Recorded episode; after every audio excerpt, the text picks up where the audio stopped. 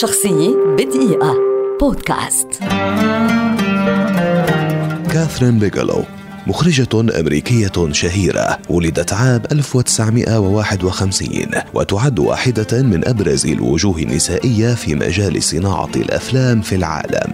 هي زوجة السابقة للمخرج العالمي الأوسكاري جيمس كاميرون وعلى الرغم من مسيرتها الإخراجية التي تقتصر على 19 عملا سينمائيا إلا أنها نجحت في لفت الأنظار لها ولموهبتها الإخراجية الاستثنائية في هوليوود والسينما العالمية بشكل عام.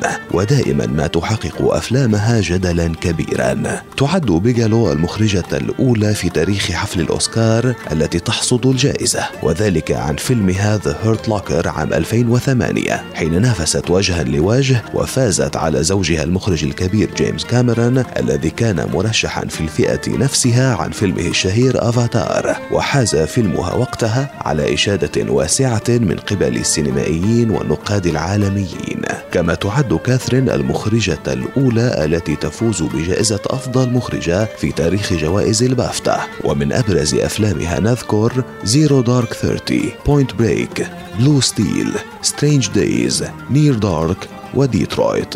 شاركت كاثرين كعضو لجنة تحكيم في المسابقة الرسمية لمهرجان برلين السينمائي الدولي في دورته الرابعة والخمسين عام 2003 كما شاركت كعضو أيضا في المسابقة الرسمية لمهرجان فينيسيا السينمائي الدولي في دورته الخامسة والخمسين عام 1998 وتم اختيارها من قبل مجلة تايم كواحدة من أهم الشخصيات المؤثرة في العالم عام 2010 شخصية بدقيقة. بودكاست.